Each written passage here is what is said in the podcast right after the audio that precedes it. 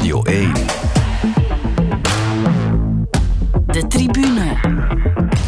Met Nicola de Brabander. Dag iedereen, welkom bij de tribune. Onze uitzending staat vandaag vooral in het teken van basketbal. Sinds vorige week kennen we de kampioen in de Amerikaanse NBA. En deze week is Antwerpen dan weer het epicentrum van het 3x3 basketbal. Vanaf dinsdag wordt het WK gespeeld op de Groenplaats. Mijn gasten weten er alles over. Dat zijn vandaag sportzaak-collega Chris Meertens, de hele week lang commentator op dat WK 3x3. En ook Thomas van den Spiegel, ex-basketballer en intussen ook al een paar jaar CEO van Flanders Classics natuurlijk. Dus we gaan ook wel even over wielrennen babbelen straks. Dag Chris, dag Thomas. Goedenavond. Dag Nicola. Thomas, blij dat je er kon bij zijn vandaag, want als ik het goed heb, zat je gisteren nog in Liechtenstein. Ja, ik ben uh, een paar dagen onder, ondergedompeld geweest in uh, de Ronde van Zwitserland. En was dat business of uh, pleasure? Uh, beide. die mensen komen ook altijd bij ons kijken en hadden mij nu uitgenodigd. En dan dacht ik van, ik kan toch maar even langs gaan naar Zwitserland. Ik heb mijn fiets meegenomen. Ik heb daar zelf ook wat gefietst en ondertussen ook mijn ogen uitgekeken. Ja, er zijn slechtere tripjes, hè? Ja, dat is natuurlijk de luxe van in de sport te werken, dat je die dingen kan combineren. Je ogen uitgekeken, zeg je? Ja, het is wel een prachtig kader natuurlijk. Hè. Mensen die naar hier komen uit het buitenland zijn altijd onder de indruk van onze Vlaamse kasseien en onze hellingen. Maar als je naar Zwitserland gaat, ja, dan rij je de hele tijd zelf ook rond in een postkaart. Dus dat is wel heel leuk. Ik heb het inderdaad gezien op je Instagram-account. En fietsen, eh, Thomas, ik ben blij dat dat weer kan, dat dat weer mag. Want je hebt wel even eh, moeten schrikken. Hè? Een paar, eh, wat is het nu, maanden geleden al? Ja, weken? April? Ja, nee, begin april. Ja. Vlak na de Ronde van Vlaanderen had ik wat hart- en longproblemen. maar ik ben vorige week gecleared om terug te sporten. Dus heb ik daar maar onmiddellijk de koe bij de horens gevat en, uh, en mijn fiets meegenomen. En ook voor mezelf toch terug even getest hoe het zat met de conditie. En teruggenoten van, van die inspanning en van een beetje te leiden bergop. Uh, dus dat, dat deed echt wel deugd, want ik miste het sport wel heel erg. Ja, want het was wel behoorlijk ernstig toch, hè? Ja, ik in het had, ziekenhuis beland. Ja, het heet een longembolie. Het klinkt heel, heel zwaar. Maar ik had klonters in de longen en daardoor was mijn hart ook uitgezet. Dus ik heb wel wat geluk gehad dat we die ontdekt hebben op ja. tijd, want dat kan altijd verkeerd lopen. Je schreef op je Instagram even de voet van het gaspedaal. Is dat gelukt om, om het wat rustiger aan te doen dan? Um, ja, ik probeer toch wel. Ik probeer nu iets meer met de hoofdzaken bij, bezig te zijn en iets minder met de bijzaken. Dus ik denk wel dat dat wat gelukt is. Maar goed, uh, ik heb de luxe van alle dagen wakker te worden nooit gevoeld te hebben van te moeten werken. Doordat ik in de sportwerk. Uh, en dan is dat verleidelijk om, uh, om heel ver en heel diep te gaan. Ja, en de maand juni misschien net iets rustiger. Die klassiekers die achter de rug uh, zijn. Ja, dit is echt wel nu, half juni tot half juli is voor ons misschien wel, alhoewel onze mensen dat niet zullen beamen, maar dat is voor ons misschien een iets rustiger periode. Ja. Toch? op heel het jaar bekeken is dit misschien wel de periode waarin het, waarin het ook kan. Chris, uh, het rustig aandoen, dat zal voor jou niet lukken deze week. Want jij bent een van de stemmen bij het WK 3x3 basketbal. Kijk je er naar uit? Ja, bijzonder. Ja, ja, ja. ja ik kan met de fiets naar het werk. Dus uh, op tien minuutjes ben ik er. Ik ben van Antwerpen. En ja, het wordt prachtig. Ik ben vandaag gaan kijken naar de, de opbouw. En er was ook al een persconferentie. Dus het zijn ook een aantal Antwerpse spelers die daar gaan, gaan spelen. Dus zoals de mannen van Tokio. Dus ja, ik kijk er echt wel naar uit. Ja. ja je speelt een thuismatch. Ik speel een uh, thuismatch. Ja, ik heb zelf ook op die plein, niet op de groenplaats, want dat is uh, exceptioneel uh, dat, het, dat het daar gebeurt. Maar ik heb al op die pleintjes gespeeld vroeger, dus ja, ik ken het wel een beetje. Ja. Wordt er wat volk verwacht? Want er zijn mooie tribunes gebouwd hè, naast ja, het veld. Ja, ja, ja, er zijn tribunes voor 1700 man. En organisator Gert van Golle had mij daar straks nog verteld, de avondsessies zijn zo goed als uitverkocht. Het is eigenlijk gratis, maar als je zeker wilde zijn, moest je een ticket kopen van 7 euro, krijg je nog twee drankjes. Dus uh, spotgoedkoop. Absoluut. En uh, de meeste mensen hebben dat gedaan dus voor de, de avondsessies, waar ook uh, Belgen in zullen te zien zijn. Ja, dan wordt het dringen om er nog bij te geraken. Maar s'morgens en in de namiddag is er nog plaats. Ga jij kijken, Thomas? Ja, ik ga normaal gezien twee dagen kijken, waaronder de finales op zondag ook. Dat is niet slecht. En zelfs als het regent, Chris, is er geen probleem. Hè? Nee, het is overdekt. Hè. Dat, is, dat wordt wel uh, vaker gedaan. Ik was uh, vorig jaar in september op het EK in uh, Parijs. Ook fantastische locatie. Onder de Eiffeltoren, Trocadero. Dus um, daar was dat ook daar hebben ze wel meer plaats dan op de groenplaats. Want het is echt al... Heel de groenplaats is uh, ingenomen. Er staat... Uh, Rubens kijkt eigenlijk uh, um, net, net buiten het terrein mee. Het uitstandbeeld ja. van Rubens. Naar, naar het spel. En de kiosk, ook be befaamd op de groenplaats. Daar kunnen nog een aantal VIP's plaatsnemen. Maar heel de groenplaats is Ja. ingenomen. Dus een kleine locatie. Het is iets om naar uit te kijken. Zometeen gaan we er uitgebreid over praten natuurlijk. Maar Chris, je houdt niet alleen van basket. We kennen jouw stem ook uh, van bij heel wat atletiekmomenten uit het verleden. En jouw moment van de week komt ook uit de atletiek, meer bepaald uit het polstokspringen. Zo is dat, ja. Here's Broders in this uh, pole vault. Now, we saw him clear 575 first time. His lifetime best, Broders. Coming just recently, the Belgian. It was a week ago at the University of Leuven. It has a plenty of distraction from vaulting and training, but no distraction needed tonight because that was beautiful. 5 metres 80, first attempt from Broders. He had a little hiccup earlier on at 565, but that's his fifth vault of the night, his third first time clearance. And uh, 580, he's reaching, reaching a rich vein of form. He really is, and athletes love this in the vertical jumps. Je koos voor eh, Ben Brothers, ofwel ja. Ben Broeders. Uh, hij ging over 5,80 meter op de Diamond League eh, meeting in Parijs, die hij won. Hoe straf was die prestatie? Ja, toch wel straf hoor. Ten eerste, Ben Broeders is uh, ja, veel regelmatiger geworden. Hij had al uitschieters, hij was een groot talent. Maar hij springt nu regelmatig rond die 85, dus 5, 85 uh, vorige week. Maar vooral ook de, de intentie vind ik knap. Van, hij wist dat uh, Duplantis niet ging komen. Die is natuurlijk uh, oude categorie. Die kan je niet verslaan. Die springt over 6 meter. Dat kan Ben Broeders niet, of nog niet. En hij dacht, ja, dan ga ik toch maar naar, naar Parijs. Want hij had die meeting eerst niet op zijn schema staan. En, uh, want die kan daar winnen. En dan doet hij het. En dat is knap. Dat, uh, Ben Broeders is een winnaar geworden. Dat wil niet zeggen dat hij sowieso naar een medaille gaat springen op een WK of een EK. Maar hij doet mee voor de prijs. En dat vind ik knap. Dus uh, we hadden dat met Nafitiamal, met, met Norvits, Bashir Abdi, de Tornado's nog altijd als ploeg, de Borlees. Maar er is nog een winnaar bijgekomen, dat is Ben Broeders. En toch wel bijzonder knap. Hij heeft het ook niet altijd uh, gemakkelijk gehad. Hij heeft uh, ook zware studies gedaan voor farmacie. Dus Ben Broeders, ja, ik vind dat toch bijzonder knap. Er is niet zoveel Belgen die al een Diamond League wedstrijd hebben gewonnen. Dat is pas de vierde, hè? Ja, ja. Vroeger had, had je wel de Golden League natuurlijk, waren er ook wel een aantal. Uh, ja, in de prehistorie, William van Dijk in de stiepel heeft die, al die Kenianiërs verslagen. Dus dat was misschien nog straffer. Maar uh, inderdaad, met Milanov, uh, Tiam en... Kevin Borlée ook nog. Kevin ja. Borlée, inderdaad. Dus hij komt in dat uh, illustre rijtje. En ja, dat laat het beste verhopen voor de drukke atletiekzomer met een WK en een EK. Hè. Ja, Eugene liever, daar is het WK over een paar weken. Hoe schat je zijn kansen daar dan in? Ja, um, hij is een outsider, denk ik, ja, het, moet, het moet dan echt wel meezitten voor de medaille. Want uh, de Plantis is uh, dus de beste. Als er niets gebeurt, wint hij het uh, goud. Maar dan heb je ook natuurlijk, uh, er zijn goede Amerikanen ook, hè, die in eigen land willen presteren. Eugene, hoofdstad ook van, van de atletiek van Nike. Dus die mannen willen daar presteren. Dat zijn ook zes meter springers. Dus als die op niveau presteren, ja, dan, dan gaat hij niet voor een medaille. Maar die top 5 vroeger was het altijd, ja, gaan we, gaat de Belg de, de finale halen? Raakt hij door Daar ga ik vanuit. Hij is, als, je, als je regelmatig 580 springt, dan gaat hij erbij zijn. Het wordt een ander verhaal op het EK in München. Ja. Daar zijn geen Amerikanen. En uh, daar heb je Duplantis uiteraard nog als zweet. Maar uh, de, de, andere grote man, Renaud Lavillenie, ja, die wordt uh, heel oud. Ja, die heeft hij achter zich gelaten ook in Parijs. Ja, die Diamond League, de, de Franse supporters waren er niet zo blij mee. Hij mikt op 5,90 trouwens, broeders, op dat WK in Amerika. maar Nafi Tiam, daar wil ik het ook wel even over hebben, gekoppeld aan broeders. Want zij was ook een, aan de slag in Parijs, in het hoogspringen. En ze is met een tevreden gevoel ook naar huis gegaan. Ja, dat zag je. ik heb een samenvatting met de collega Mark uh, gemaakt. En uh, je zag het plezier van afstralen. En vooral, ja, dat uh, is zo'n aanslag op je lichaam, die, die meerkamp dat dat lichaam van uh, Tiam is al geteisterd door uh, al die uh, wedstrijden in het verleden. Ze was er al heel jong bij. Ze is ongelooflijk sterk, prachtig atleten, maar ja, ze moet toch enorm veel incasseren. En ja, dus is pijnvrij uit die competitie gekomen met een... een de rug testen, hè? dat ja. was het essentiële doel. Zo is het. En die, die heeft geen schade geleden, geen pijn ook. Dus en 1,92 meter is op dit moment een, een, een goede hoogte voor Tiam. Daar heeft ze vorig jaar afscheid meegenomen. Oh, de uh, Van Damme Memorial, 1,92.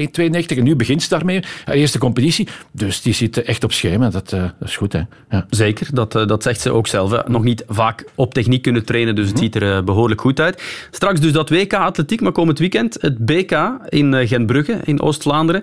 Ehm, daar doet Tiam ook mee, daar kiest ze voor verspringen en de 100 meter horde. Ja, verspringen, dat komt wel goed. Dat kan ze ook heel goed. die horde, dat is dikwijls nog een, ja, een probleempje. Ook, dan loopt ze vaak ook een blessuurtje op. Geen echte blessure, maar ze heeft uh, hinder de dag erna. Dus uh, hopelijk gaat dat ook goed. Het weer is nu beter. Dus, um, komend weekend voorspellen ze minder weer, blijkbaar. Oh, oké. Ja. Maar in elk geval, een combinatie van, van, van twee disciplines, dat zal uh, haar ook wel eens teug doen. Dan, dan weet ze waar ze voor staat voor haar uh, grote uh, kampioenschap in Eugene. Want uh, concurrentie van Norvits, dat, dat is echt iets om naar uit te kijken. Dat wordt fantastisch. Zeker. verwacht je nog uitschieters op dat BK? Ik denk aan Sakor, die wellicht gaat deelnemen, of de rentree van Thomas van der Plaats. Ja, dat zijn, dat zijn twee probleemgevallen die je nu aanhaalt. Want Sakor met... met ja, die heeft gelopen met het met, uh, begin van corona, denk ik. Dat was misschien niet zo verstandig. Um, ik heb het gelukkig nog niet gehad, maar, maar, maar ja, kan dat zo snel? Kan je zo snel dan terug uh, op niveau komen? En het is de laatste dag, denk ik, om een uh, selectie af te dwingen voor, voor een individuele selectie voor die 400. Dus ik, ik twijfel daar toch wat aan. Ja, hij staat ook niet zo hoog op de wereldranglijst, denk ik. Dus ik weet het niet. En Thomas van der Plaats, ja, die, die is zijn profcontract uh, kwijt. Uh, jammerlijke omstandigheden, geblesseerd geraakt uh, in Tokio. Dus ja, um, dat gaat ook niet zo goed. Die heeft ook nog wel last van, van die blessure eigenlijk nog van Tokio. Dus dat ziet er eigenlijk ook ja. niet goed uit. Het zal misschien een, goede, een goed kampioenschap op een discipline doen, op, op het verspringen of zo, maar een, een tienkamp afwerken. Ja, hij is geselecteerd voor Eugene, maar het zijn toch nog bange maanden, denk ik, voor Thomas van der Plaatsen. Alright, afwachten dus uh, wat dat gaat worden. Dan gaan we naar het moment van Thomas. This could be a new fastest time for Kristen Faulkner. Takes that corner well. Now she's just got to up the power in towards the line. So Kristen Faulkner looks like she's going to go to the top of the leaderboard with this ride. So Kristen Faulkner, 13.73 quicker, 31.46.66 for Kristen Faulkner. Great time. Thomas, leg eens uit, waarom heb je dit eh, moment gekozen? Over wie gaat het? Uh, Kristen Faulkner is een, uh, een renster, een wielrenster, um, die gisteren de tijdrit won in de Ronde van Zwitserland. En dat is eigenlijk een heel mooi verhaal. Um, tot twee jaar geleden fietste die niet, of zo goed als niet. Dat was eigenlijk een, een cap, uh, venture capitalist, dus die werkte op Wall Street, die verdiende daar heel veel geld. Die had een Harvard-diploma en dat was eigenlijk een hele goede roeister in, in college. En toen verhuisde die voor haar job naar New York en daar kon ze niet roeien. En daar is ze beginnen fietsen als hobby. En daar is ook gebleken dat ze heel goed was in fietsen. En twee jaar geleden is die profrenster kunnen worden. Dus die heeft haar job opgegeven op Wall Street, is een fractie gaan verdienen van wat ze daar verdiende. Is in Ninove op een appartement komen wonen met drie andere meisjes. Dat is passie. Ja, reed plots top 10 in de Ronde van Vlaanderen, reed top 10 in Gent-Wevelgem vorig jaar. Iedereen zei van waar komt hij? Dus jij was haar al op het spoor, ja, ik omdat je in Zwitserland was, je kende dit verhaal al langer. Hè? Ja. Ik, ik, heb al wat contact met haar gehad, ook in, hè, ze, ze is heel erg bezig met gender equality en het eh, promoten van het vrouwenwielrennen, dus die had eens contact gezocht met mij. Sindsdien hadden we wel wat contact. En het geeft ook aan, hè, en dat, dat, was eigenlijk het punt dat ik een beetje wilde maken, hè, dat die verhalen nog bestaan. Want dat is eigenlijk een beetje bijna een sprookje, want die rijdt nu voor Bike Exchange. Ze is nu 29 al, hè? Ja, ondertussen heeft ze vandaag ook haar leiderstrui kunnen vrijwaren. Staat ze nog aan kop, morgen nog één rit. Uh, maar het geeft ook wel aan dat het vrouwenwielrennen, en dat was eigenlijk het punt dat ik ook een stukje wilde maken, echt nog in de kinderschoenen staat. Hè. Als je dat ziet, hè, dat je op die manier nog in het vrouwenwielrennen op latere leeftijd kan terechtkomen en eigenlijk top 10 in de wereld zijn, geeft ook aan dat we echt nog bezig zijn aan een groeiproces. Ja, ze is, al, als ik goed geïnformeerd ben, gerecruiteerd in Central Park in New York in 2017. Daar had ze meegedaan aan een of ander eh, fietsevent. Kwam er na uh, dat event een vrouw naar haar toe en die zei, je moet het eens in een team proberen. En toen antwoordden ze, wat is dat dan, wielrennen in, uh, in team? Dat, dat kenden ze niet. Ja, maar dat zie je nu ook nog. Hè. Dat zie je ook in, in het algemeen in het peloton. Ik heb vandaag ook nog naar, uh, naar de wedstrijd daarnet zitten kijken. Ja, dat, dat, dat is nog groeiend. Hè. Eh, je ziet echt nog niet de, de teams zoals bij de mannen, de organisatie zoals bij de mannen. Dat zit nog helemaal anders in elkaar, maar het is wel mooi. Hè. Je zag ook dit weekend in de Ronde van Zwitserland overlap tussen mannen en vrouwen. Hè. De vrouwen begonnen zaterdag in het laatste weekend van de mannen. Rijden vier etappes. Dus je ziet dat die sport groeiend is. Binnenkort komt er een, een Tour de France aan uh, voor vrouwen. En als er iets is waar ik toch wel trots op ben op de voorbije jaren bij Flanders Classics, wat we bereikt hebben, is toch wel die knuppel in het hoenderhok gegooid als het op vrouwen weer aankomt. Uh, dus ik wilde dat punt ook even maken vandaag. En ik vond het feit dat Christen aan de leiding staat in Zwitserland met dat verhaal vond ik wel een goede aanleiding. Misschien is het zelfs niet het laatste dat we over haar zullen horen, hè? want in die klassiekers, zoals je aangaf, ja, ze is, ze is eigenlijk zwaar gevallen in het voorjaar, dus heeft de klassiekers moeten overslaan deze winter. Maar ze, ze, was er eigenlijk op gericht. Ze rijdt nu ook voor Bike Exchange, dat toch wel een, een degelijk team is. Vorig jaar reed ze voor Team Tipco. Ehm, dus het ziet er wel naar uit dat we de komende jaren in de Vlaamse klassiekers, want die liggen daar echt heel erg goed nog vooraan gaan zien. Bij de mannen werd het een speciale ronde van Zwitserland, want vier ploegen en een aantal topfavorieten moesten vroegtijdig naar huis. Remco Evenepoel die was met veel ambitie naar Zwitserland vertrokken, maar hij kon zijn eigen hoge verwachtingen maar deels inlossen. Remco Evenepoel wil zijn ontgoochelende ronde van Zwitserland in schoonheid afsluiten, met winst in de tijdrit. Zijn grootste concurrent, deze Stefan Kuhn, tweevoudig Europees kampioen tijdrijden. Het is een nagenoeg vlak parcours van 25 kilometer, ideaal voor grote motoren. Halfweg klokt Evenepoel de voorlopig snelste tijd. Evenepoel deelt zijn tijdrit in het broeierig hete Liechtenstein goed in. Hij rijdt gemiddeld 54 km per uur en zet een nieuwe toptijd neer. Het is aan wachten op de aankomst van Kuhn. Hij heeft tijd verloren in het tweede deel en is uiteindelijk 11 seconden trager dan Evenepoel, die vol spanning in de hot seat zit. Alleen Geraint Thomas kan Evenepoel nog van de zege houden. De Brit maakt het nog spannend, maar strandt op 3 seconden. Thomas wint wel de ronde van Zwitserland. Evenepoel is pas elfde, maar deze zege maakt toch veel goed. Ja, absoluut. Uh, ik ga er niet om liegen. Het was zeker een, eh, een lastige week, een moeilijke week. Uh, vooral de vijfde rit. het was een serieuze domper en toch een, een ferme tik die ik moest verwerken. maar dan de, de, afgelopen twee dagen voelde ik wel dat ik er doorkwam en dat het toch beter was dan, dan de vijfde rit. en om dan te kunnen afsluiten aan een heel zware week met, met heel veel hitte, heel veel ja, energieverlies van zowel de inspanningen als de hitte als uh, ja, de bergen. Uh, ben ik toch echt tevreden dat ik uh, kan afsluiten met, met een mooie overwinning. Thomas, jij was er live getuige van. Die is uh, dus liever die zegen van Evenepoel in de afsluitende tijdrit daar in Vaduz. Je had zelfs een mooi plekje uitgekozen hè? aan de aankomst. Ja, ik zat bijna op de finish. Hè. Nee, ik zat daar wel goed, maar het was wel 38 graden. Dus uh, het was echt wel extreem heet. Dat zie je natuurlijk niet op televisie, maar alle respect voor de renners gisteren. Diegenen die nog overbleven in elk geval. Ik denk dat ze nog mijn tachtigtal waren. Uh, maar die hebben zich allemaal gegeven in echt tropische temperaturen gisteren. Uh, en het was natuurlijk leuk. Ik, heb me, moet excuseren bij heel veel Zwitsers gisteren.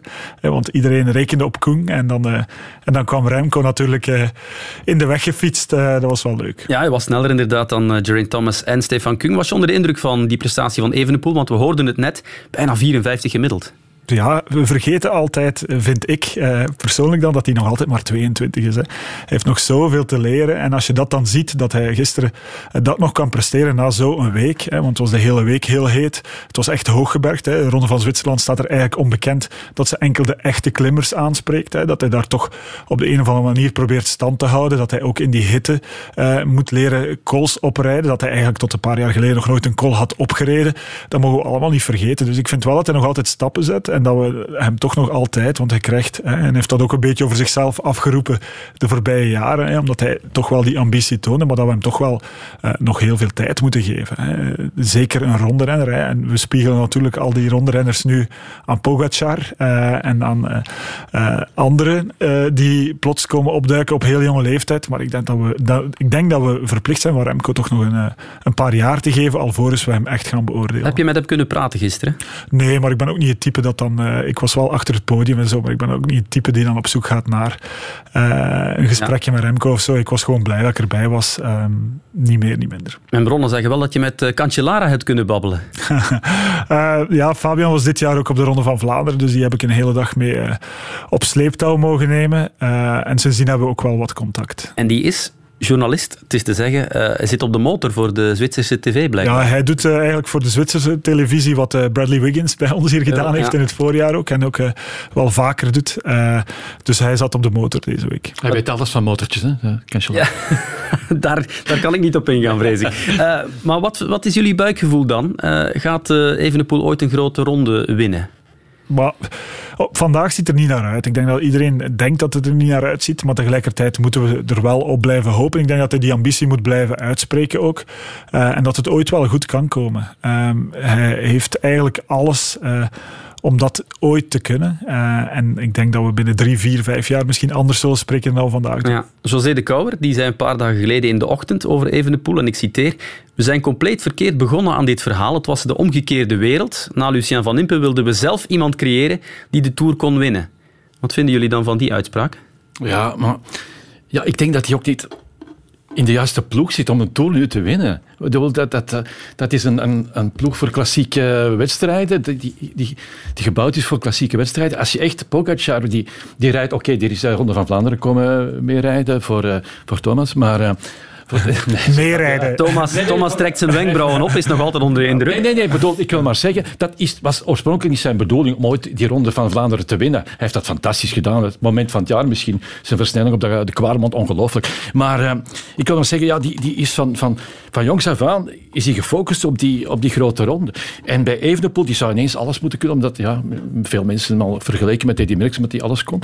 Dus dat, dat is toch een geweldige mentale switch dat je moet maken als je echt, echt voor, voor een, een rondeoverwinning gaat. Allee, zelfs voor de ronde van Frankrijk. Wil. Misschien lukt dat voor de ronde van Spanje, maar maar het geeft natuurlijk ook aan hoezeer wij allemaal snakken naar opnieuw eens mee te doen voor, eh, voor winst. Hè. Wij zijn natuurlijk het volk eh, dat zot is van wielrennen. En wij snakken natuurlijk naar een nieuwe Lucien van Impen, naar terug mee te kunnen doen voor de prijzen in de Giro of de Vuelta of de Tour liefst. Eh, en dan heb je natuurlijk Remco die, die ons toch even die spiegel heeft voorgehouden van misschien kan het wel lukken. Ehm, dus laat ons hopen. Ja, ik denk niet dat we sportief te veel conclusies moeten verbinden inderdaad aan deze ronde van Zwitserland. Maar Thomas, eh, je haalde het al even aan. Corona komt plots weer opdoemen in het wielrennen. Eh, ben jij geschrokken van dat nieuws? Ja, wij hoorden al een paar weken toch dat er terug iets sluimerde en dat er een aantal gevallen waren. En het ging plots heel snel. Ehm, ik denk natuurlijk ook dat iedereen nu... Uh, het zekere voor het onzekere neemt met het oog op de Tour. Want de Tour is natuurlijk voor de teams commercieel heel belangrijk. Dat is echt het hoogtepunt van het jaar. Ehm, en dat men toch wel heel voorzichtig daarmee omgesprongen is. Dat men ook uit voorzorg... Hè, er zijn een aantal teams die echt uit voorzorg volledig uit de Ronde van Zwitserland gestapt zijn. Maar blijkbaar waren de meesten uh, mild uh, symptomatisch. Uh, heel veel eigenlijk ook totaal niet symptomatisch. Maar men weet natuurlijk nog altijd niet heel erg goed wat het allemaal met het menselijk lichaam doet. en men is toch wel heel voorzichtig. Maar leeft het peloton in angst toe naar die start van de Tour in Kopenhagen? Well, niet alleen het peloton, ik denk de organisatoren ook. Want krijg dat maar eens 23 dagen op rij gemanaged. Dit was een, een ritwedstrijd van een week, hè, van 8, 9 dagen. Als je dat meer dan 20 dagen moet doen en eens het in het peloton zit krijgt dat niet zo makkelijk meer onder controle. Dus ik denk dat iedereen er toch wel eh, nerveus over is op dit moment. Ja, ze hebben een draaiboek eh, klaar, maar ze zullen even streng moeten zijn als vorige zomer wellicht. Ja, en dat is natuurlijk niet evident, omdat in het, in het hoofd van de mensen, ik we hadden het er net nog even over, Chris en ik, ja, voor ons leek het toch wel weg. De oorlog van in Oekraïne heeft plot, plots het nieuws overgenomen en wij gingen allemaal terug naar ons normale leven. En nu confronteert het wielrennen ons plots opnieuw met, de, met toch wel uh, misschien een nieuwe variant van corona die we nog niet kennen, uh, waardoor de cijfers weer stijgen, waardoor het ook op ons terug impact gaat hebben. En als organisator hou je natuurlijk je hart vast, want we hebben echt twee jaar onze tenen uitgekuist om dat allemaal georganiseerd te krijgen en daar willen we absoluut liever niet naar terug. Goed, dat is geen fijn nieuws inderdaad. We volgen het verder op. Maar van Zwitserland gaan we naar de Baloise Belgium Tour, de Ronde van België. Ook die eindigde gisteren en ook daar behaalde Quickstep Alpha Vinyl een paar eh, successen. Want Fabio Jacobsen won de slotrit en het was de Zwitser Mauro Schmidt die de eindzege meegraaide. Al ging daar wel wat duw- en trekwerk mee gepaard. Welles moet vooral nu Schmidt in de gaten houden. Lampaard met het elleboog. Opletten, en op die manier. Ja, nu gaat uh, Schmidt seconden sprokkelen. Wat is dit allemaal? En dit worden dan twee seconden. Komt hij weer op een seconde te staan. Laatste sprint gaat de beslissing brengen. Ja, Welles moet daar nu naartoe, naar Schmidt. Ja, nu zitten ze daarin gesloten. Dat, dat ellebogenwerk van Yves Lampaard, dat is toch allemaal niet nodig, jongens, toch? Het is gedaan. Tenzij Schmidt daar nu nog uitkomt. Pas op, pas op. Welles die nu nog aangaat. En dat is probeerde Schmidt of Welles. Eh, oh, laatste sprint en dan is het Schmidt die hem pakt op die manier. Als Lampaard er niet zit, dan win ik de Ronde van België. Dat heeft me de eindje gekost. Dus natuurlijk doet dat enorm veel pijn. Um, maar ja, ik kan er niks aan doen. Ook al uh, disqualificeert de Lampaard, ik ga de eindzege toch niet meer uh, winnen. Ja, het was eh, de gouden kilometer. Duizend meter met daarin drie sprints voor telkens drie, twee en één seconde. Die heeft beslist eigenlijk over de eindwinst in de Ronde van België. We kennen de afloop. Lampaard werd gedeclasseerd, maar dat veranderde niks aan het feit dat Welles met lege handen achterbleef. Thomas, jij als organisator, ben je fan van zo'n gouden kilometer? Um Niet helemaal natuurlijk, omdat uh, het is wel een aantrekkelijk concept, maar tegelijkertijd draagt het niet bij tot de veiligheid. Hè. Dat hebben we gisteren ook gezien. Uh, veiligheid, wat een van de stokpaardjes van elke organisator uh, zou moeten zijn. Ehm, tegelijkertijd, ja, een, een, stuk van de verantwoordelijkheid ligt zeker bij organisatoren. Daar zijn we het allemaal over eens. Daar doen we ook alles aan. Maar de laatste tijd in conversaties met ploegen blijkt ook wel dat zij toch een stuk van de veiligheid bij het gedrag van de renners leggen op vandaag. En ik denk dat dat ook, toch ook wel af en toe mag benoemd worden. Dat een onderdeel van veiligheid ook wel het behavior is, uh, zoals dat genoemd wordt, uh, van de renners in wedstrijd. En dat dat af en toe, natuurlijk, er staat heel vaak heel veel op het spel. Uh, dat hebben we de voorbije weken ook gezien hè, met de degradatiestrijd onderaan, waardoor het toch wel in elke wedstrijd van welk niveau ook op het scherp van de snee gekoerst wordt. en dan, dan gebeuren aan duizelingwekkende snelheden soms dingen die niet door de beugel kunnen. dus dat is niet, niet allemaal makkelijk. Maar moet je als organisatie, als, jury, eigenlijk niet alleen de man die, uh, die voor hinder zorgt declasseren, maar ook de man die ervan profiteert om het helemaal uit te sluiten? Dus Schmidt die kan daar nu niks aan doen, maar die wint wel daardoor natuurlijk. Ja, dat is natuurlijk uh, met dat concept, hè, wat eigenlijk relatief nieuw is, is er geen reglement om op terug te vallen. Dus dat, dat bestaat op vandaag eigenlijk nog niet. Dus uh, ik denk dat daar toch wel even moet naar gekeken worden. Uh, tegelijkertijd uh, laat het ook een oproep zijn aan renners om af en toe ook uh, te weten dat ze toch wel risico's nemen. en het gaat niet alleen over Yves nu, die ik ook wel heel erg goed ken en heel erg apprecieer, maar het gaat gewoon over het wielrennen in het algemeen. Worden er heel vaak door renners ook risico's genomen die niet bijdragen tot de veiligheid. Wij als organisator kunnen er alles aan doen, maar dat is een stukje dat we niet onder controle hebben. Ligt je niet veel te dicht bij de, de aankomst, die gouden kilometer? Was in de laatste 20 kilometer. Hè, ja. het was op 6 kilometer van het einde, geloof ik. Hè? Dus, uh, ja, ja, dicht bij de finish, maar ik bedoel inderdaad uh, vrij... Ja, ik heb hem niet live gezien. Ik was naar de tijdrit aan het kijken in Zwitserland. Jij was in Zwitserland. maar uh, nee, nee, maar ja, het, het, het is al een heel... Het al zo hoog ja, Het is al een heel nerveus gedoe, zeker in zo'n laatste 10 kilometer, als de groep nog groot is. En dan denk ik dat je vooral er moet voor zorgen dat, dat je alle mogelijke gevaren uitsluit. En daar draagt die kilometer natuurlijk niet toe bij. Oké, okay. De tribune. Tijd nu voor ons uitgebreide luik eh, basketbal. We beginnen in eigen land met het WK 3x3 basketbal in Antwerpen, waarover we het daarnet al hadden met de 3x3 Lions en de 3x3 Cats. En collega Tess Els die ging gisteren voor Sportweekend al op bezoek bij de uithangborden van de mannen- en de vrouwenploeg. Dat zijn eh, Nick Celis en Julie van Loo. En zij hebben gepraat over hun liefde voor de sport. Het is daarnet ook al even aangeraakt. Een essentieel onderdeel van deze sport is het plezier dat jullie er duidelijk in hebben als jullie ja. er zo ook over vertellen. Ja, ik, ja, ik denk ook niet dat je zo ver geraakt als je, als het niet graag doet. Uh, ik ben ook op een bepaalde leeftijd. Veel stoppen dan of, of minderen. Uh, doordat ik dat graag doe, dan blijf gaan, blijf trainen. Uh, dus ik denk dat dat wel essentieel is. Ja, ik vind dat ook. En de, de 3 on 3 is voor mij ook een, nu iets nieuws, maar het, geeft mij ook zo wat de, de losse vibes en even basketten met niet zo die extreme druk en zo, maar gewoon van oké, okay, veel plezier beleven samen met, met, met, met je ploegmaten en zo. En toch proberen ze natuurlijk een zo goed mogelijk resultaat te halen, maar op, een, op een, een volledig andere manier. Ja, Chris, uh, jij geeft dus commentaar ja. op, uh, de, op het WK 3x3 daar in uh, Antwerpen. Laten we misschien beginnen met de mannen. Ja. Um, wat mag hun ambitie zijn en vooral, hoe heb je die beslissing om Bougaerts niet te selecteren uh, gelezen en geïnterpreteerd? Ja, ik vond het heel eigenaardig. Ik, ik, kreeg eigenlijk al een voorzitter op de persconferentie van, van, van Nick, van Nick Celis, de bezieler, de, coach, de, de, de speler van het uh, team. Dat hij, uh, ja, Maxime de Puit, die werd opgeroepen. Dat was eigenlijk een nieuwe naam. Dat is een speler van 5-to-5 basketbal, het gewone basketbal. vrij nieuw in het 3x3. En ik vond het een beetje raar. Ik zeg, ja, is dat gewoon in geval van corona dat je nog een zesde man hebt om in te vallen? Want er waren eh, vrij veel spelers geselecteerd voor eventueel corona op te vangen. En hij zegt, mm, ik weet het nog niet. We hebben af en toe een, een makkelijke tweepunter nodig. Een tweepunter, dat is equivalent van een driepunter in het gewone spel. En dat hebben wij te weinig in het team. Thibaut kan dat goed. En dat is de enige, Thibaut Vervoort. De ja. beste speler van het team. En zo, ja, ik, ik, eh, ik was dan toch wel verrast toen de beslissing kwam dat, uh, dat uh, ja, Bogaerts eruit ging. Want dat is toch een van de twee profspelers in het team, die Vervoort, Raf Bogaerts. Dus ik vind dat wel heel eigenaardig. Dus... Uh, ik ga uit van dat het in samenspraak is gebeurd. Het zijn toch allemaal kameraden, toch geweest in elk geval. maar het, het, duidt toch op enige zenuwachtigheid, ook op ambitie van het team dat eh, die beslissing is genomen, denk ik. Ja, suggereer je nu dat, dat dat iets is dat kan blijven hangen? Want het is een moeilijke beslissing om te nemen natuurlijk. Dat denk ik wel, ja. ja, ja. Dus ehm, ja, ik had al wat, wat dingen opgevangen dag, dag of twee ervoor. Van, van ja, het zou kunnen dat eh Raf niet gaat spelen, dat en dat. Ehm, dus dat leefde wel in, in, die wereld. Maar ja, ik kon het eigenlijk eh, niet echt geloven. Ik vind uh, Bogarts ook een heel goede speler. Hij is ook groter dan, dan de Puit. Je moet ook wat rebounds pakken. Dus...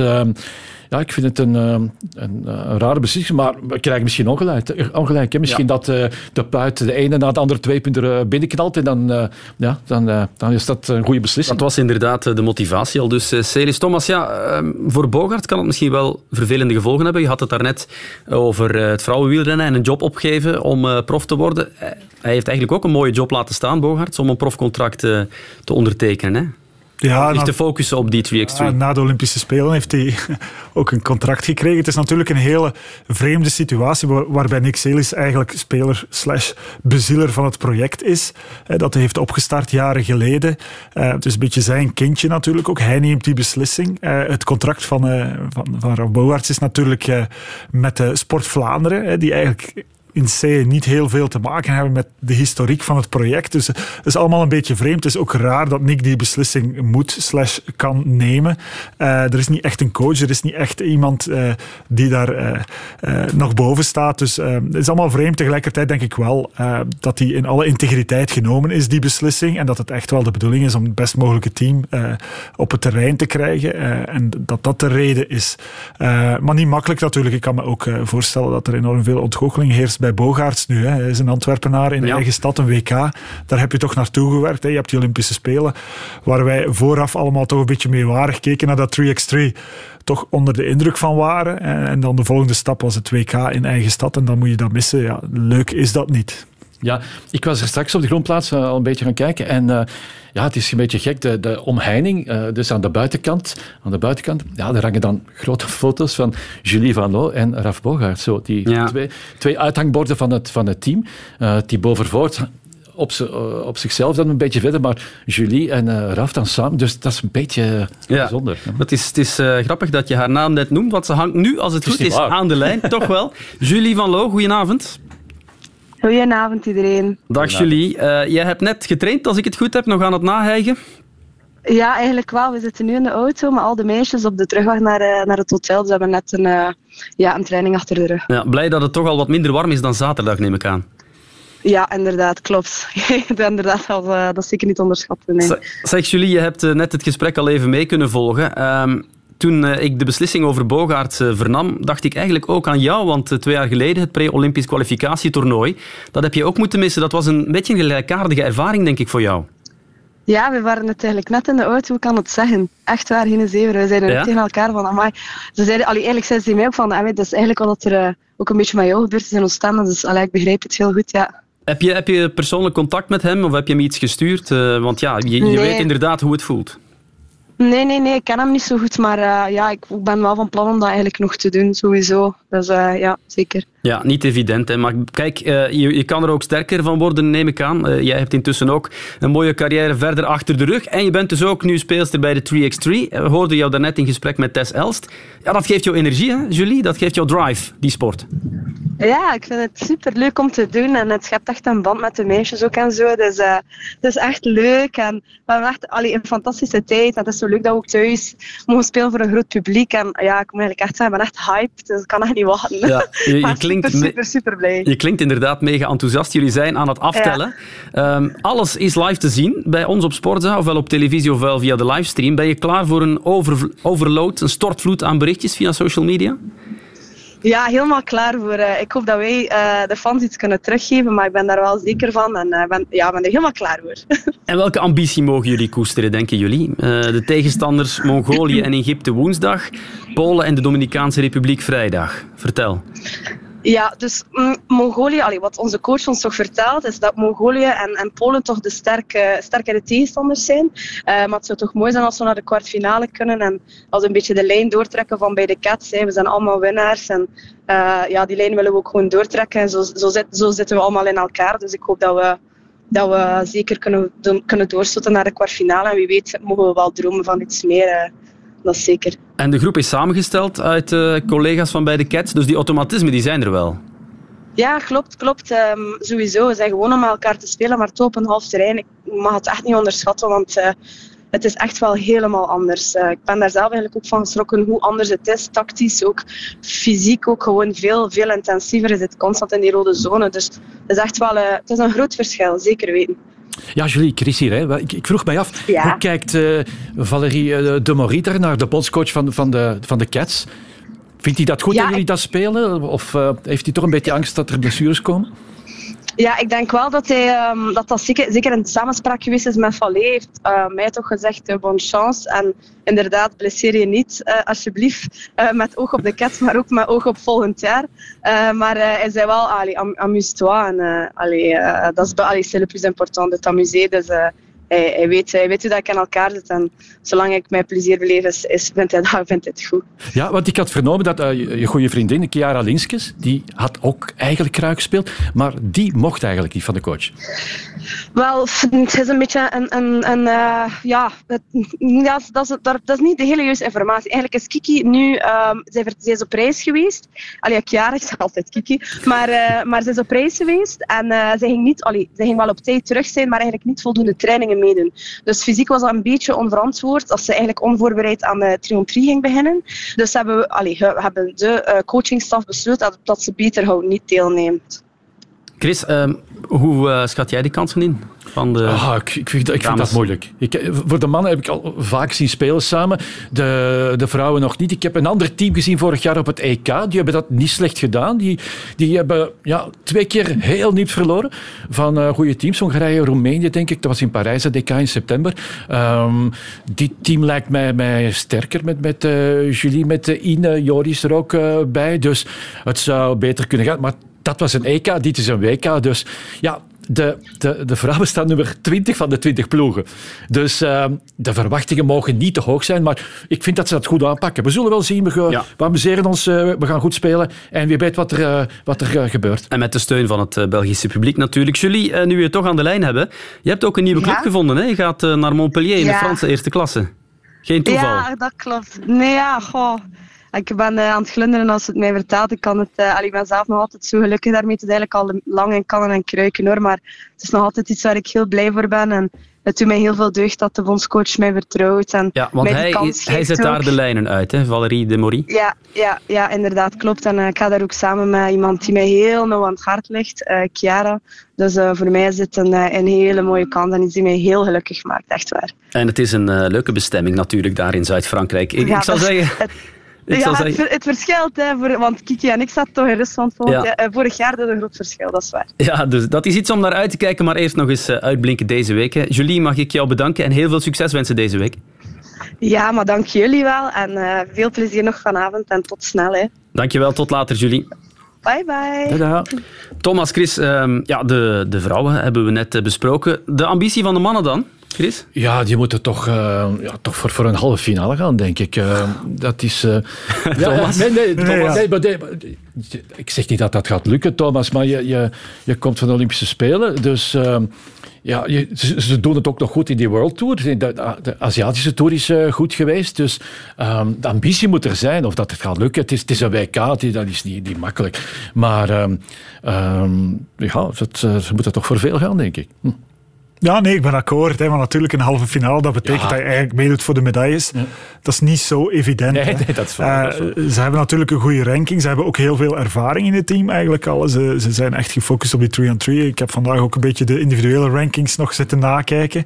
En, en, en ja, eigenlijk zouden ze daar moeten... Uh, naar streven. Ze spelen ook thuis. Maar goed, uh, we hebben ook gezien uh, deze zomer hoe onvoorspelbaar 3x3 eigenlijk is. Um, dus het is heel moeilijk om daar echt uh, je vinger op te leggen en, en, en voorspellingen te doen. Maar ik denk dat ze zich wel kunnen, boven zichzelf kunnen uitstijgen en dat dat is te hopen natuurlijk ook, hè, want het is wel uh, in die arena op de groenplaats, ja, daar kijken we toch allemaal naar uit als die volledig gevuld is. Het is echt een zomersport uh, die echt uh, ja, aansluit bij wat beachvolley in het verleden was, hè, waar iedereen een bepaalde vibe is, een bepaalde sfeer geraakt. en als die thuisploeg het dan goed kan doen, ja, dan, dan kunnen we verder bouwen op wat we bij de Olympische Spelen enkel op televisie gezien hebben. Jij hebt dat live gezien natuurlijk, Chris.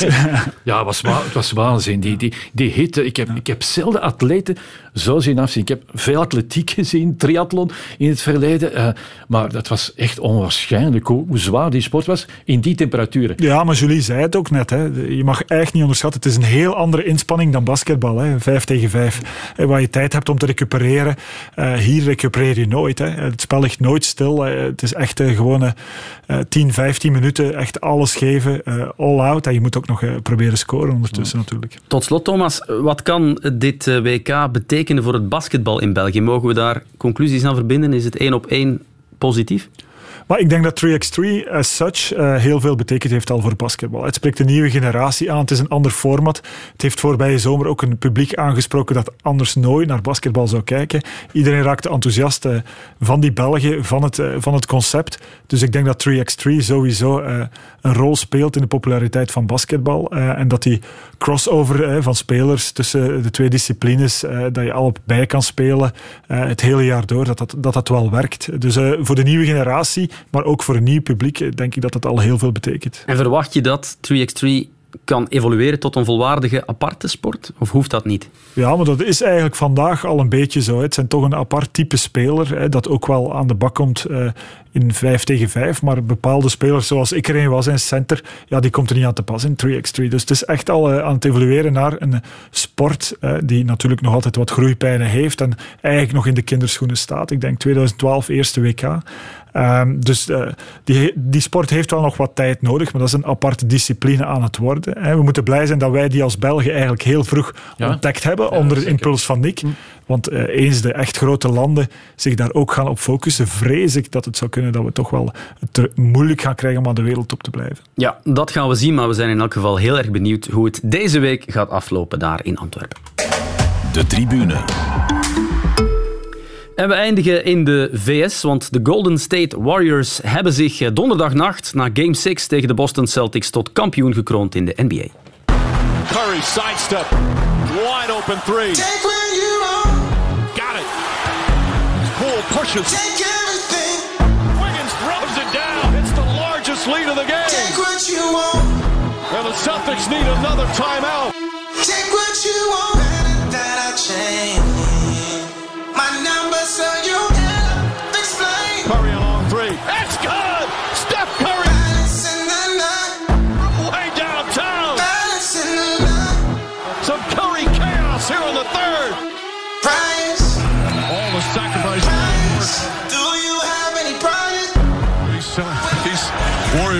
Warriors are ready to celebrate. And that'll do it. It's over. The Golden State Warriors return to a familiar place. They're on top of the NBA world. The fourth title in eight years. The Dubs dynasty is still very much alive. I'll be honest, we are Uh, Steph, what does just this mean to you to finally be a finals MVP? Forget that. We champs. Why are you starting with that quick? We got four championships.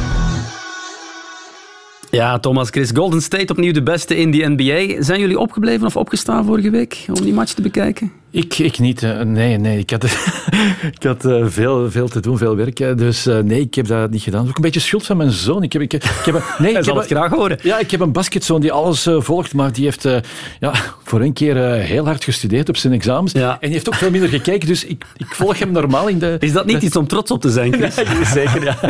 Dus, in plaats van ja, het kwalijk te nemen. Ik heb het te weinig gezien. Ja. Thomas, heb jij het een beetje kunnen volgen? Want oké, okay, juni niet de drukste maand, maar dus ondanks heb je genoeg te doen. Hè? het zijn nachtwedstrijden. Ja, ik, ik ben niet live.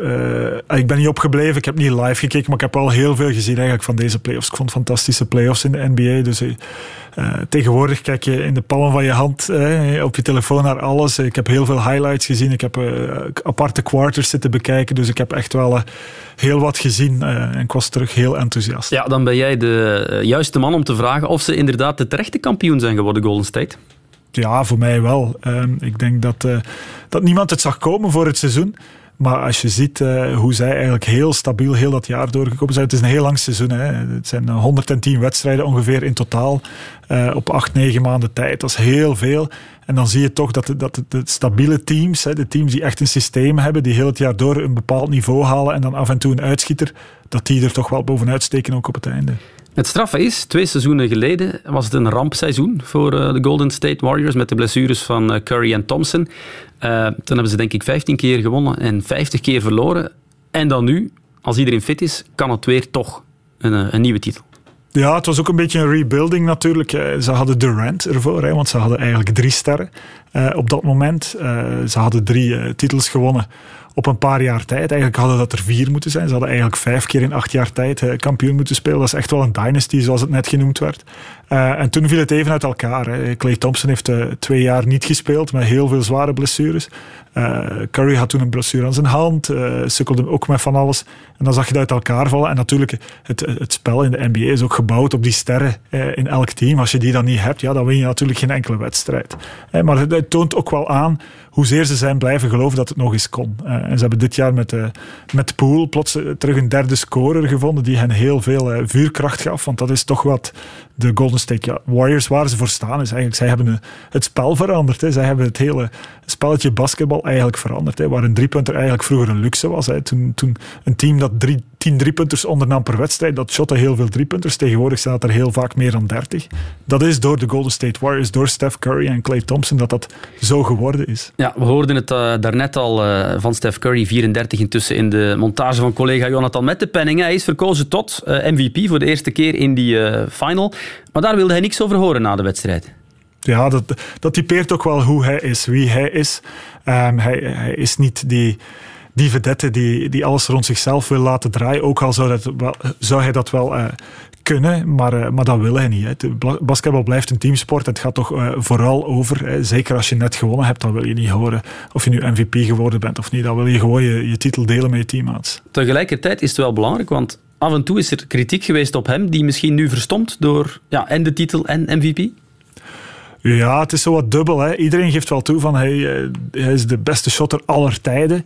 Maar eigenlijk is hij te klein, te licht. 1,88, hij- ja, hij, stond, ja, hij stond nooit echt in de lijstjes hè, tussen de Kobe's en de LeBrons en de Michael Jordans. En, de, omdat hij, en nu begint men daar toch een beetje op terug te komen. Van, misschien moeten we toch wel eh, Stephen Curry eens het krediet geven dat hij echt verdient. Ja, want hij heeft nu evenveel titels als eh, Shaquille, als LeBron bijvoorbeeld. Eh, hoe heb jij hem... Heeft iemand van jullie hem al live aan het werk gezien? Ja, ik heb hem gezien op, op het WK in, in Madrid in Spanje. Dat is een jaar of eh, zeven geleden, denk ik. Je hebt al zoveel gezien, ja. Ja, ja, nee, ik, heb, ik heb hem gezien met de Amerikaanse ploeg. En ja, hij was eigenlijk eh, een bescheiden speler. Eh, hij was eh, nog niet, niet, die- die ster. Ehm, ja, hij was de de tweede guard eh, van het team toen. Dus hij heeft zich eh, toch enorm eh, opgewerkt. Dus hij is toch eh, ja, een, eh, een van de mannen van, van de, de laatste jaren geworden. Dus, eh, maar ik vraag me af, zie jij dat basketbal echt graag van, van, de, van de Warriors? Ja, ik vind dat fantastisch ja? eigenlijk. Nee, maar als, ja, als big man, dat, Ja, natuurlijk, basketbal is zo geëvolueerd, maar daar zit toch nog een bepaalde vorm van stabiliteit in. hè. Met Draymond Green bijvoorbeeld, hè, een speler die heel erg onderschat wordt, die ook een heel grote mond heeft en eh, op social media heel erg brutaal kan zijn, maar die toch wel een soort evenwicht en eh, stabiliteit biedt aan dat team, eh, die je niet mag onderschatten. Dat is eigenlijk een, een, een vierspeler, dat is een power forward, maar dat is eigenlijk de echte point guard van dat team. Hij zorgt voor de stabiliteit, hij neemt de beslissingen, hij zorgt ervoor dat het spel sneller of trager gaat. Dus daar zit wel een systeem in. Hè. Steve Kerr zou dat ook niet toelaten dat er geen systeem zou zijn. Maar natuurlijk, ze hebben zodanig veel talent en ze, gooien ze echt binnen, bijna Ja, ja, aan de ja. middellijn. Dat is hun kracht en dat moeten ze gebruiken. hè. Ja. Maar, eh, maar ik, ik, ik had ze eigenlijk voorspeld voor de finals dat ze met 4-2 gingen winnen. Omdat ik, ik zag ook ten opzichte van de Celtics wat zij meer hebben dan de Celtics. En dat is die versnelling, dat zijn die driepunters, maar dat is ook de controle van, van, van dat ritme. Hun defense, hun defense was ook al uitstekend. Hè? Want Ja. in vijf van de zes matchen minder dan 100 punten, de Celtics. Ja, maar ik, ik had het gevoel dat de Celtics echt, hè, dat was ook voor veel de eerste keer in de finals, dat scheelt ook. Eh, maar die waren echt. eh, ja, kapot. Hè, ja, die, die konden echt niet meer. Ook emotioneel waren die echt uitgeput. Het is zo'n een zware reeks en als je dat nog nooit meegemaakt hebt, dan ga je daar om emotioneel ook een stukje onderdoor. Steve Kerr, eh, hoe groot is zijn aandeel? Ja, ik denk dat je dan. bijna niet kan beschrijven. Ehm, Steve Kerr is ook een soort uh, erfgenaam van de, de, beste coach aller tijden, Greg Popovich, hè, waar hij ook een aantal titels als speler mee gewonnen heeft. Hij heeft er natuurlijk ook gewonnen met Jordan. Uh, drie, met de Bulls in de jaren negentig, is dan coach geworden. Uh, en hij is een fantastische people manager, heel intelligent. We hebben hem de voorbije maand ook uitlatingen zien doen over het, uh, het wapenbeleid in de Verenigde Staten. Dus het gaat ook een stukje verder uh, dan enkel basketbal. Maar hij is echt een, een opinieleider, niet alleen binnen basketbal, die echt ook voor toch wel heel veel input zorgt, die echt dat team heel erg goed managt, die er ook voor zorgt dat die karakters, want daar heb je er heel wat van in elk NBA-team, dat die ook allemaal aan hetzelfde zeel trekken. Dus ik denk dat je daar echt de komende 10, 20 jaar echt met de, met de officieel erfgenaam van Greg Popovich eh, te maken gaat krijgen, die ook heel veel wedstrijden kan winnen in zijn en, carrière. En kan die dynasty, zoals je het daarnet noemde, dus vier keer kampioen sinds 2015, kan die worden verder gezet de komende jaren? Maar normaal gezien wel toch nog een paar jaar. Curry is 34 in de NBA is dat tegenwoordig uh, geen belemmering meer. Hè. Je kan nog even mee, hè. dat laat LeBron ook zien. Ja, die, is, nog die wordt 38 zeker. Dus ik denk dat ze de komende twee jaar terug wel zullen meedoen ja, voor de titel. Chris? Ah, ik dacht dat je wel inpikken. Nee, nee, nee. Uh, het NBA-seizoen zit er uh, net op, maar van 7 tot 17 juli is er dan de Summer League. Wat verwachten jullie daarvan? Ik vraag het, want er doet een Belg mee. Hè? Ah, ja, Frans Blijenberg met de Phoenix ja, Suns. Wat kan hij daar forceren? Ja, wat is dat, Thomas? Heeft hij een kans? Hij, heeft, hij, is, hij is nog heel mager, hè? Hij is, hij, is, hij is, een groot talent, maar ik denk dat hij nog een hele grote weg moet, moet afleggen. Hoor, want, ja, Blijenberg doet er alles aan om beter te worden. En zo bereidt hij zich eh, nu voor op die Summer League met uh, Willy Steveniers. Die reportage, ik weet niet of je ze gezien hebt, uh, Thomas, in Sportweekend, de moeite waard. Hè? Heb je, het, je hebt gemist, want je was nog in Zwitserland. Jij wel, hè? Ja, ik heb ze gezien. Ja. Denk je dat hij, het, dat hij het kan maken? Want bijvoorbeeld Steveniers heeft ook uh, een Benga begeleid, maar die had wel een sterker lichaam inderdaad. Ja, dat was ook een heel ander uh, type. Hè. Dus die moest uh, rebounds pakken, blok zitten. heeft hij zeer goed gedaan. Hij, zat ook in het, in team van de Lakers om, om op training voluit te gaan. Pau Gasol zegt altijd van ja, ik heb, ik heb mij dikwijls moeten inspannen op training tegen DJ, dus dat heeft mij beter gemaakt. Um, Kobe Bryant was een goede kameraad, heeft, heeft daar ook ja, veel, veel voordeel van gehad. Maar hij is een ander soort uh, speler, denk ik. Dus als hij zijn, zijn rebounds uh, nam en, en zijn bloks kon zetten, dan had hij een goede wedstrijd gespeeld. Die moest geen punten maken. Van Frans Blijnberg is een, een, een shotter ook, dus daar wordt wel wat meer van, van, van verwacht, denk ik.